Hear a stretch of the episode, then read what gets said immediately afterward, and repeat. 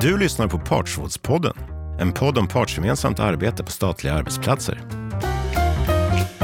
Välkommen till Partsrådspodden. Idag ska vi prata om hur man kan använda kommunikation som verktyg för att driva innovation och utveckling. Jag heter Susanne Tillqvist och med mig som gäst idag är Kristina Nordin, generaldirektör på Jordbruksverket. Kul att just du hittade hit. Nu kör vi!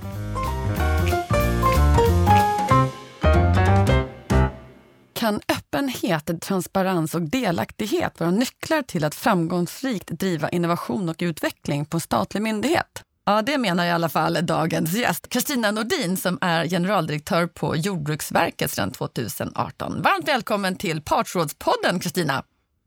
Tack så hemskt mycket. Hur är läget på Jordbruksverket? Jo, men det är, det är märkligt, men det är väldigt bra. Eh, det är ju utmanande att bedriva och jobba med en helt eh, liksom, samhällsviktig verksamhet som måste fortgå och måste fungera samtidigt som vi ska efterleva de viktiga rekommendationer som ges. Och samtidigt ska vi alla medarbetare och chefer må bra. Så det är en utmaning, men jag tycker det går väldigt bra. Mycket bra faktiskt. Mm. Och vad är de stora delarna när det gäller liksom, omställningen för er att eh, kanske framförallt inte vara på kontoret och jobba hemifrån? Alltså vi, man kan väl säga att det är flera delar. Dels är det ju om jag börjar liksom praktiskt, liksom ergonomiskt, alltså vi på jobbet har vi två skärmar, vi jobbar med stora system, eh, register och stödsystem och hantering och handläggning, komplicerade handläggningar, då har man två skärmar, eh, man har en bra stol, så dels är det ergonomiska. Eh, men, men sen så är det ju förstås att vi jobbar ju mycket ute med andra, vi samverkar, vi interagerar med många, vi träffas fysiskt, vi har rådgivningar ut mot lantbrukare, vi har kontroller på, på marker och vi har möten och nu ställer man ju helt om det. Så att det är både det tekniska på något sätt och sen också själva arbetsmetodiken, att vi inte ses längre fysiskt. Ja, och hur har du anpassat liksom, ledningen av myndigheten givet eh, rådande situation?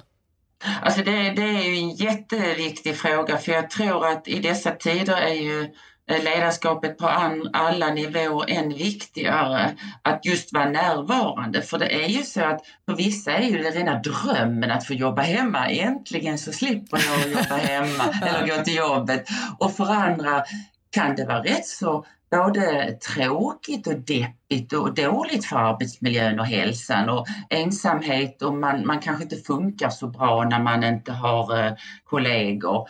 Eh, och då handlar det om att vara en närvarande chef och ha det här dagliga avstämningen eller i alla fall varannan dag en gång i veckan stämma av och vara närvarande som chef så att man fångar upp vad som är bra och inte bra. Leverera, producera, sköta jobbet i en statlig myndighet, må bra, tänk på hälsan, hur gör vi det? Och följa rekommendationerna så att det har det, det, har det levande hela tiden faktiskt. Mm. Och den här frågan just att jobba hemifrån, de här senaste veckorna eller månaderna, har, har, har din syn på att jobba hemifrån förändrats? Ja men det har det, det tror jag det har för alla, liksom, att allt är möjligt. Innan vi började den här podden så berättade jag lite under hand här att, att, att från att man den första tiden kanske oj, ställde in en hel del mycket och kanske var lite hur, hur ska det här gå, så är det ju nu mycket up and running. Jag pratade igår på eh, LRF Mälardalens eh, förbunds, regionförbundsstämma, 123 personer. Vi hade en, Jordbruksverket själv hade en, en konferens om bin och pollinering som jag inledde. Och som jag sa så eh, hade jag sedan tidigare planerat att jag skulle besöka alla avdelningar på deras avdelningsmöten. Eh, och en kort tid pausade vi det men nu har vi de här helt digitala, det är alltså 100 pers, alla är med hemifrån och vi lär oss nya verktyg och det funkar. Mm. Så att eh, visst blir vi digitala av coronakrisen så att eh, det ska bli spännande att se vad som, vad som händer efter när det här tack och lov ska ta slut någon gång. Ja, jag håller med. Du har ju de här tre kommunikativa ledorden som följer dig mm. eh, överallt mm. vad gäller öppenhet, delaktighet och transparens. Hur har du landat i just de tre orden? Alltså det, är, det är ingenting som det har följt med mig ganska länge. Jag kanske har blivit tydligare på att sätta ord på det när jag började som generaldirektör för att jag insåg hur otroligt viktigt det var när jag fick det här jobbet fick jag, hade jag liksom från regeringen ett tydligt förändringsmandat med mig. Och ska du göra en förändring Eh, i det lilla, i det stora. Ska du göra en stor organisationsförändring, ta fram nya mål som du måste nå, nya arbetsformer, förändra en kultur i ett litet team på en enhet, på en avdelning eller till och med då på en hel myndighet som jag hade uppdraget. Då är jag helt övertygad om att det viktigaste är att involvera de som faktiskt ska göra förändringen. Alltså bjuda in och ha en delaktighet och öppenhet från dag ett. Eh, de som ska genomföra den förändringen, liksom nå de nya målen, jobba enligt nya arbetsmetoder, skapa en, en, en ny kultur, de måste vara med från början och bli sedda och lyssnade på riktigt. Och blir man det, alltså blir man involverad och lyssnar på, då blir man engagerad. Och är man engagerad, då vill man bidra till, till myndighetens eller företagets utveckling. Och sen det bästa av allt att om man, om man eh, blir, får tillåtelse att engageras och bidra och involveras. Jag skulle vilja säga att det är den viktigaste arbetsmiljöfrågan också. Mm. Då trivs man på jobbet. Det kvittar liksom hur dålig luft och hur hårda stolar man har. Får man bli involverad och bli delaktig, då trivs man. Och tvärtom, får man inte bli, blir man inte involverad och får vara delaktig i myndighetens utveckling, då, då kommer det mycket annat negativt eh, kring det. Så att det här handlar både om att utveckla verksamheten men också att få medarbetare att må bra och det hänger ihop. Mm. Det var ett långt svar men jag, jag tror att det, det, det, jag tycker det är så otroligt självklart egentligen men jag tror också att många kanske är lite rädda för att vara så där öppna och bjuda in för man är lite rädd att oj, man ska ha svar på alla frågor och tänk om de frågar mig något jag inte vet. När det är precis tvärtom. Mm. Det är när du kommunicerar eh, och, och bjuder in till synpunkter som du också skapar förtroende. För då är du på riktigt intresserad av vad folk har att bidra med. Mm. Det var ett långt svar. Ja, jag tänker så här, när man traditionellt tänker på att, att göra en, eh, en omorganisation. Och ni har gjort en rätt stor omorganisation mm. på Jordbruksverket. Då, så återigen, traditionellt då, så här, tänker man så här, generaldirektören, högsta, eller högsta chefen samlar sina närmaste ledningsgruppen, stängda dörrar och så sitter man ja. och, och kuckelurar och gör sina, sina saker och så kommer det fram något beslut som säger så här ska du göra.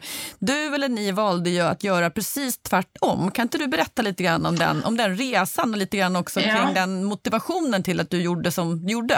Ja, nej men det är ju precis som du säger. Det klassiska är att, att man ger en liten grupp ett uppdrag, stänger dörren och så sitter den här gruppen och tänker på alla möjliga konsekvenser hit och dit och, och är väldigt tysta för tänker man vi ska inte oroa någon, vi, vi säger ingenting för det skapar bara oro.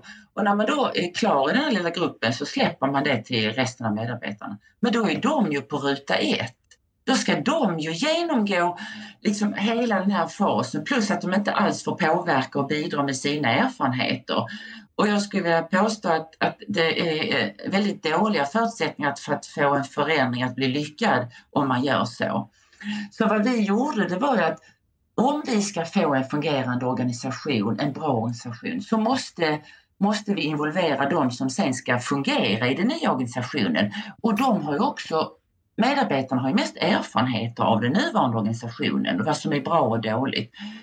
Så vad vi gjorde det var att, att vi började i ledningsgruppen med en eh, med en, en liten, liten workshop där vi identifierar vad är, vad är liksom bristerna med vår... Eh, så vi i ledningsgruppen någonstans kunde skriva ett, upp, liksom ett uppdrag, en uppdragsbeskrivning, en väg framåt. Vad vill vi? Vad är viktigt i det nya? Så vi gjorde en liten workshop vad är bristerna i vår nuvarande organisation? Sen så gav vi sex enhetschefer som jobbar nära medarbetare och de fick ett, ett väldigt eh, eh det skulle liksom inte komma från högsta chef men det skulle liksom ändå vara på, på, på, på när, lägsta chefsnivån. Vi har ju, hade, ju, hade ju både, innan hade vi både generaldirektör, divisionsdirektör, avdelningschef, enhetschef. Så sex enhetschefer fick ett uppdrag att helt wild and crazy Eh, bara precis tänka, hur skulle en organisation kunna se ut utifrån vad ni har uppfattat från era medarbetare, er själv och annat. Fyra, fem förslag. Eh, det behöver inte vara genomtänkt i alla delar och inte, och, alltså inte färdigtänkt, men, men några sådana idéer. Eh, de fick några två månader, eller lite över sommaren på sig och sen så när de var klara så eh, presenterades det för alla. Vi skapade ett digitalt rum och la ut de här förslagen som de hade kommit med. Eh, och sen öppnade vi det här digitala rummet och alla bjöds in att komma med synpunkter, både från enheter och avdelningar eller från individer. Så det här rummet, det digitala rummet var, var, var öppet Eh, i ett antal månader och i mina veckobrev så informerar jag löpande om processen och uppmanar att komma in med synpunkter. Det här är några wild and crazy förslag. kom in med era förslag så att vi får ett, ett, mer, eh, ett, bättre, ett ännu bättre underlag. Sen stängde vi det digitala rummet och då tillsatte vi en, en, en beredningsgrupp som bestod av medarbetare från alla avdelningar och då tog de vid allt det som hade kommit in i det digitala rummet och eh, kom med eh, fyra, fem förslag. Och sen hamnade i ledningsgruppen och då bestämde vi. För någonstans måste ju någon bestämma. Ja, ja. Eh, men, men det, det, det, innebar att från, från liksom väldigt tidigt, från dag ett, så informerade vi vad vi ville. Jag glömde säga också, vi hade tre i, I den här organisationen, eh, organisationsförändringen så var det också viktigt att ändå ha några riktlinjer till hela organisationen. Vad är det liksom övergripande vi vill uppnå? Och då var det en, ty, en, en effektiv organisation, tydliga ansvar och roller och en platta organisation, alltså färre beslutsnivåer. För vi var väldigt många beslutsnivåer. Mm. Så det var en, en viktig, eh, viktiga liksom medskick från mig och ledningen. Mm.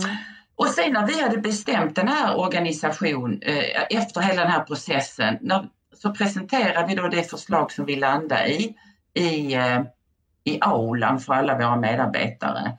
Och jag ska säga att vi fick applåder. Jag fick applåder när jag presenterade. För att alla, det var liksom, kändes som att det här var inga överraskningar.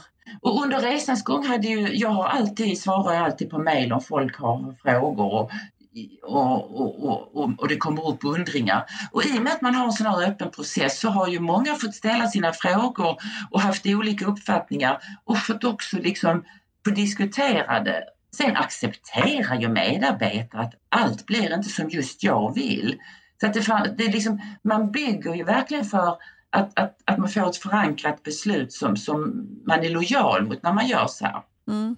Jag tänker att de här ledorden som du lever och verkar utifrån, då, mm. med öppenhet, delaktighet och eh, transparens, liksom ditt sätt att ta sig, ta sig, ta sig an, eh, det, det bryter lite grann mot det klassiska eh, sättet att, att eh, leda. Och det är klart att, att um, det går ju en, en, um, en, en våg genom hela offentlig sektor som är betydligt med öppen, ökad öppenhet och delaktighet. Men jag tänker så här, möttes du någon gång på resan av lite misstänksamhet?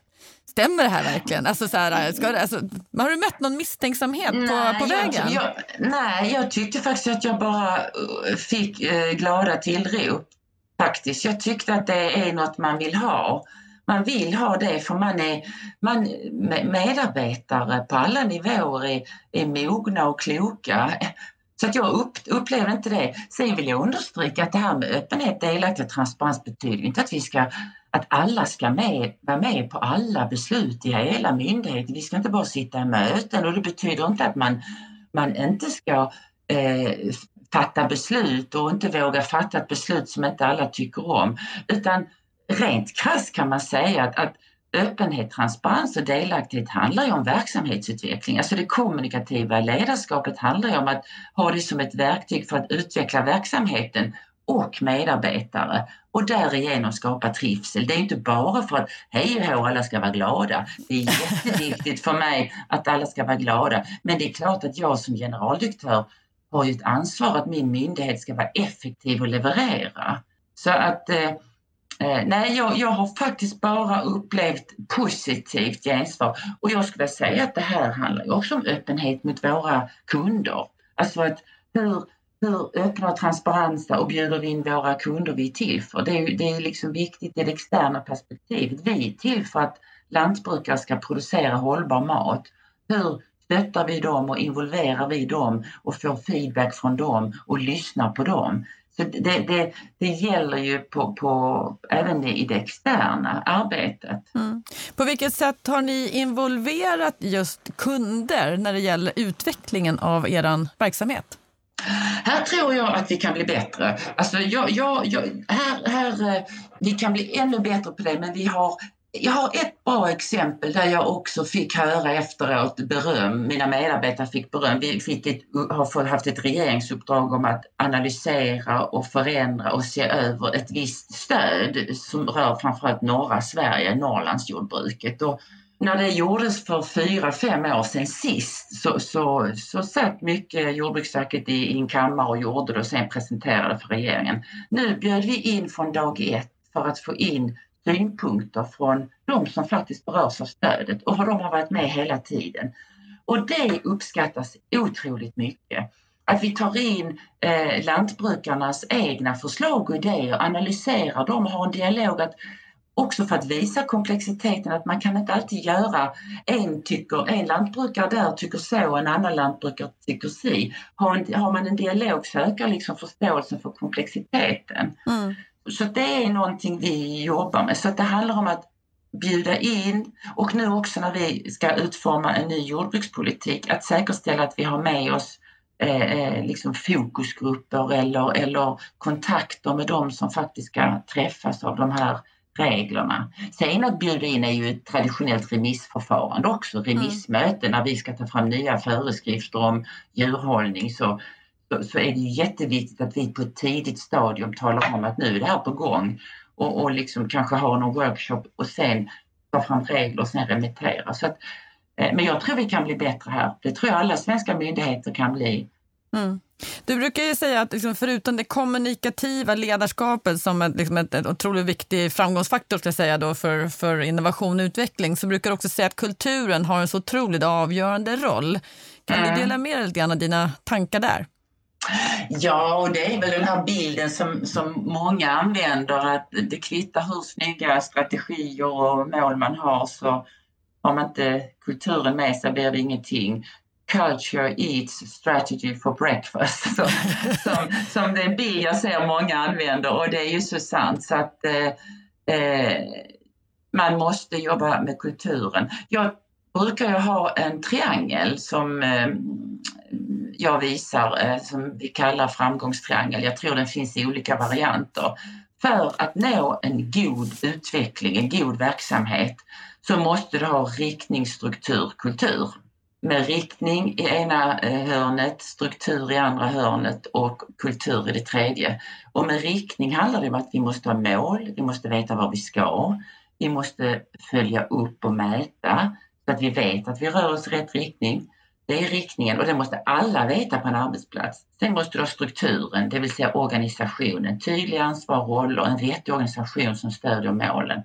Och sen är den tredje hörnan, du måste ha en kultur som, som stödjer eh, det, det arbete man vill uppnå. Och sen i mitten eh, finns kommunikation, relation, involvering. Det smörjer alla de här delarna. Det är en bild som jag visar så ofta jag bara kan när jag jag hade idag på förmiddagen introduktion för nya chefer på Jordbruksverket och då visar jag den där bilden också och pratar mycket om den tillsammans med ledorden öppenhet, delaktighet och transparens. Mm. Så kulturen är ju viktig och det är ju, alltså kultur är ju dels hur vi uppfattas externt. Det är dels hur vi trivs internt, hur vi mår.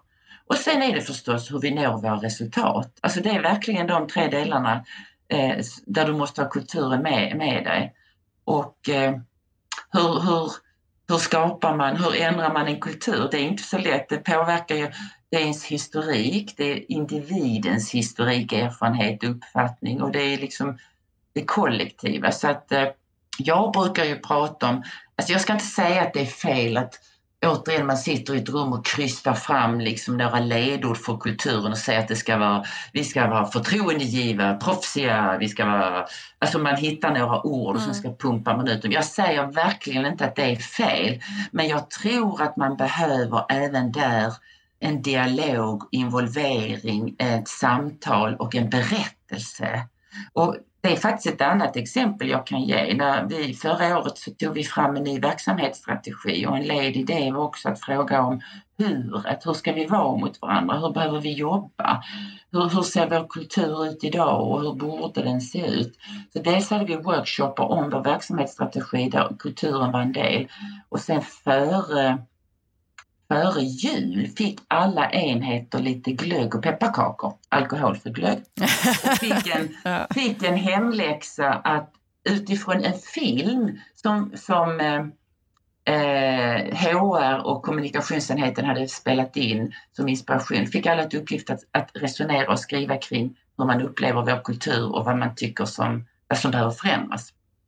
Eh, så, så att man kan väl säga att, att för att få en bra kultur måste man prata om den. Man måste ha ett ständigt pågående samtal. Sen tror jag att man måste landa i, vilket vi är mitt inne i nu, att försöka landa i någon sorts ord eller ja, någon sorts berättelse. Eh, men eh, det, det kräver ett samtal ständigt. Mm. Kan du säga någonting om kulturen innan och efter som du uppfattade Jordbruksverket då och där ni är nu eller den resa? Går det att säga någonting om de skillnaderna?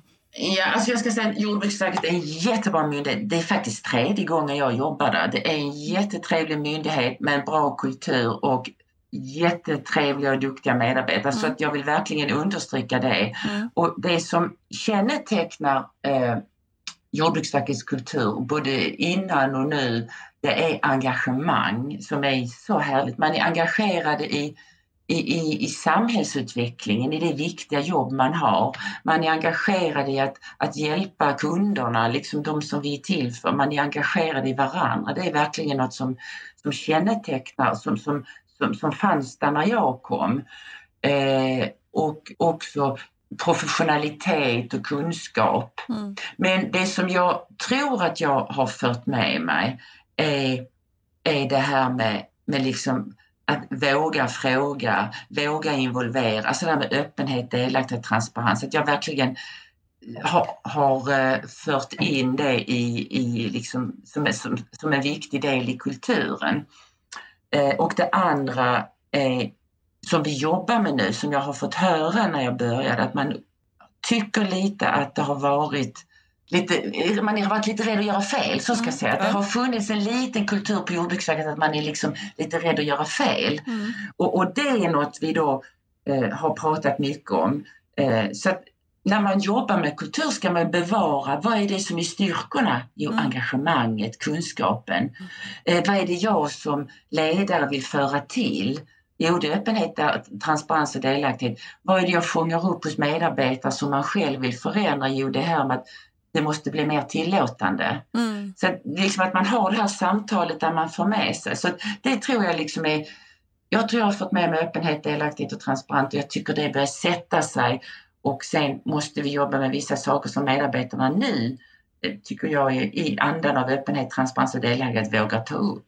Mm. Och vi pratade lite om innovation också ju, det här med hur får du den innovativa myndigheten, organisationen? Jag menar att lyckas du med det här, våga göra fel, våga fråga, våga ställa dumma frågor, våga testa nytt tillsammans med en öppenhet, delaktighet och transparens, då tror jag man får en innovativ organisation. Mm.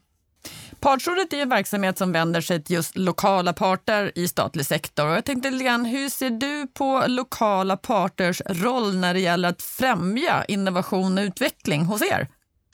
Alltså jag tänker lite på samma sätt som det jag har pratat om hittills. Alltså alla i en organisation bidrar till en organisations utveckling. Alltså varenda en, den blir inte starkare än den enskilde medarbetaren. Och parterna är ju otroligt viktiga aktörer att, att samarbeta med, få med sig. Eh, så att det handlar ju om arbetsgivaren att mot parterna eh, ha en inbjudande dialog, alltså återigen öppenhet, transparens och delaktighet, skapa en trygghet hos parterna vad vi håller på med, bjuda in medlemmar, bjuda in dem. Och sen också hos parterna, eh, de fackliga företrädarna så har de ju också samma ansvar att mot sina medlemmar jobba med öppenhet och transparens och delaktighet. Då tror jag att om, om man är återigen om man involveras och har öppenhet och transparens så skapar det ju också en trygghet. Det som skapar mest otrygghet och rädsla det är när man inte vet. Mm. När man tror, man misstänker, det skapas liksom knepiga eh, ja, konspirationsteorier. Mm. Så jag, jag, skulle vilja säga att, att eh, parterna, både fackliga företrädare och arbetsgivare, har en väldigt viktig roll att, att med, med involvera varandra, vara öppna och transparenta för att stödja varandra skapa trygghet i förändringsarbete och innovativt arbete. Mm. Och har ni jobbat någonting specifikt hos er med just den liksom dialogen mellan eh, de lokala parter?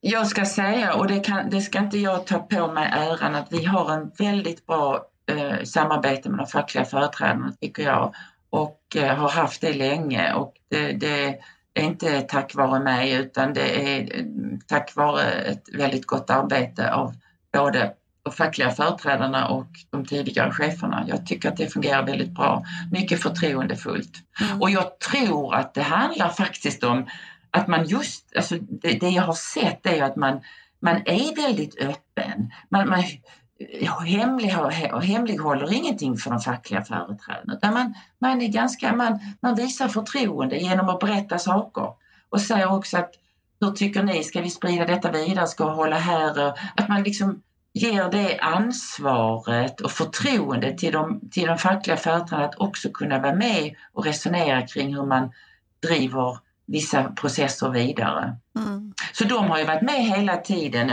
och det, jag träffar ju eh, vårt eh, samverkansråd som vi kallar JOSAM, eh, träffar, träffar jag ju regelbundet mm. eh, och är med alltid en, en, en, stund och det är väl inget originellt, det är väl de flesta själva.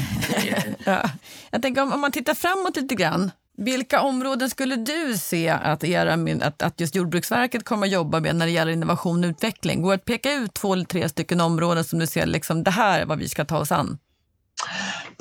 Tänker du då liksom eh, tekniskt också eller tänker du organisationsmässigt? Ja, det, kan, allting? Ja, det skulle det kunna vara. Jag tänker ni har gått igenom en rätt stor omorganisation mm. och jag är lite osäker på om den är helt färdig eller inte. Men mm. jag tänker, liksom, finns det några, några, några, några, större frågor just utifrån innovation och mm. utveckling som ni kommer att ta tag i eller kanske står redan ja. mitt i? Jo, nej men det, det absolut. Eh, det, det gäller, om jag, om jag då uppfattar att det gäller liksom både det interna och det externa så mm. kan man väl säga att vi flyttar ju nästa, i mars 21 flyttar vi till nya lokaler som är helt aktivitetsbaserade. Mm. Så att dels är en utmaning för oss att, att alla medarbetare blir digitala och effektiva i det digitala. Och, och, vi får en fantastisk träning om man ska i dessa jobbiga tider så, så för det ju det goda med sig att vi blir ju eh, väldigt tränade på det här. Men där ser jag ju en utmaning i det interna innovativa då att liksom hur, hur, hur eh, nu, nu, har vi träffar i teamen på morgnarna med post-it-lappar och man gör liksom kanbantavlor och man jobbar lean och nu ska det vara digitala sådana. Och, alltså, hur, hur blir, det är en utmaning, hur vi blir den, den, den, den liksom digitala innovativa myndigheten. Eh, sen har vi ett jätteuppdrag eller utmaning som gäller alla myndigheter i Sverige att bli liksom digitala i vår eh, i vår verksamhet, i vår sakverksamhet mot kund. Jordbruksverket delar ut, eh, vi, vi hanterar liksom jordbruksstöd vi handlägger och de kontrolleras på fält.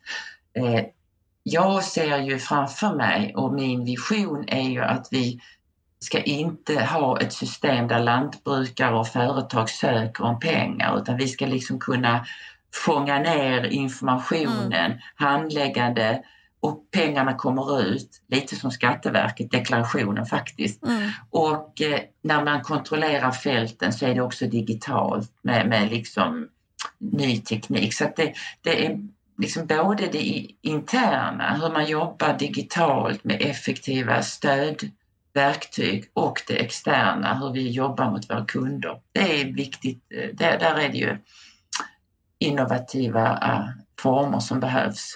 Mm. Det är ju spännande då att också kanske, det kanske ni redan har gjort, att eh, kontakta ett, eh, en myndighet som Skatteverket för att se vad man kan lära av dem. Kanske till och med ja. liksom här, kopiera vissa av deras processer om, de nu är, om det är möjligt att göra det.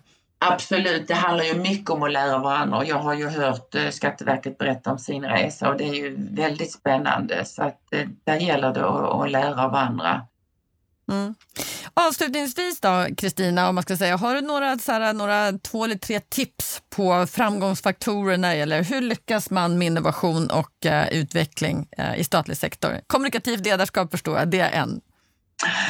Ja, alltså kommunikativt ledarskap är ju nummer ett och, eh, och, och, i det ligger väl de andra bitarna vill jag säga. Det här att, att, eh, att, att våga fråga, våga att, våga att inte ha svar, eh, vara prestigelös. Eh, bjud in expertis och kunskap och våga ändra dig om du får eh, eh, liksom andra idéer. Jag tror mycket handlar om mod faktiskt. Alltså att vara, vara modig som ledare, stå stadigt och inse att du inte behöver ha svar på allting. Eh, utan bjud in och använd den enorma resurs av medarbetare man har. Det är så viktigt. Mm. Det är väl ett perfekt sätt tänker jag, att avsluta den här podden mm. och säga att eh, budskapet är våga. Ja, ja exakt. Ja. Tack så mycket Kristina för att du deltog i Partrådspodden. Tack så mycket, hej då. Ja, det låter som att Kristina verkligen lever efter sina ledord öppenhet, transparens och delaktighet. Hon beskriver så tydligt hur det kommunikativa budskapet handlar om verksamhetsutveckling och individen och hur de två tillsammans skapar trivsel på arbetsplatsen. Genom att alla får vara med och bidra i att skapa en ny organisation genom en inbjudande dialog skapas en trygghet vilket i sig bidrar till en önskan att få vara med och bidra. Hennes konkreta exempel, både när det gäller att låta enhetscheferna längst ut i organisationen ta fram förslag på ny organisation och att sedan presentera förslagen i ett digitalt datarum där alla medarbetare kunde gå in och bidra, är handfasta verktyg som du som lyssnare kan ta med och använda alternativt föreslå att ni använder. Det vi också kan ta med oss från Kristina är att en av de viktigaste arbetsmiljöfrågorna är att involvera och engagera medarbetarna. Den kopplingen hur verksamhetsutveckling hänger ihop med individen och trivsel på arbetsplatsen är guld att ha med sig i fortsatt arbete med innovation och utveckling. Tack för att du lyssnar. Du har lyssnat på Partsrådspodden. Partsrådspodden är en podcast från Partsrådet, en ideell organisation som består av arbetsgivare och fack på central nivå inom staten. Tillsammans erbjuder vi verktyg för ett bättre arbetsliv, bättre lönebildning, bättre arbetsmiljö bättre samverkan och bättre utveckling på statliga arbetsplatser. Vill du veta mer? Besök vår hemsida, partsradet.se.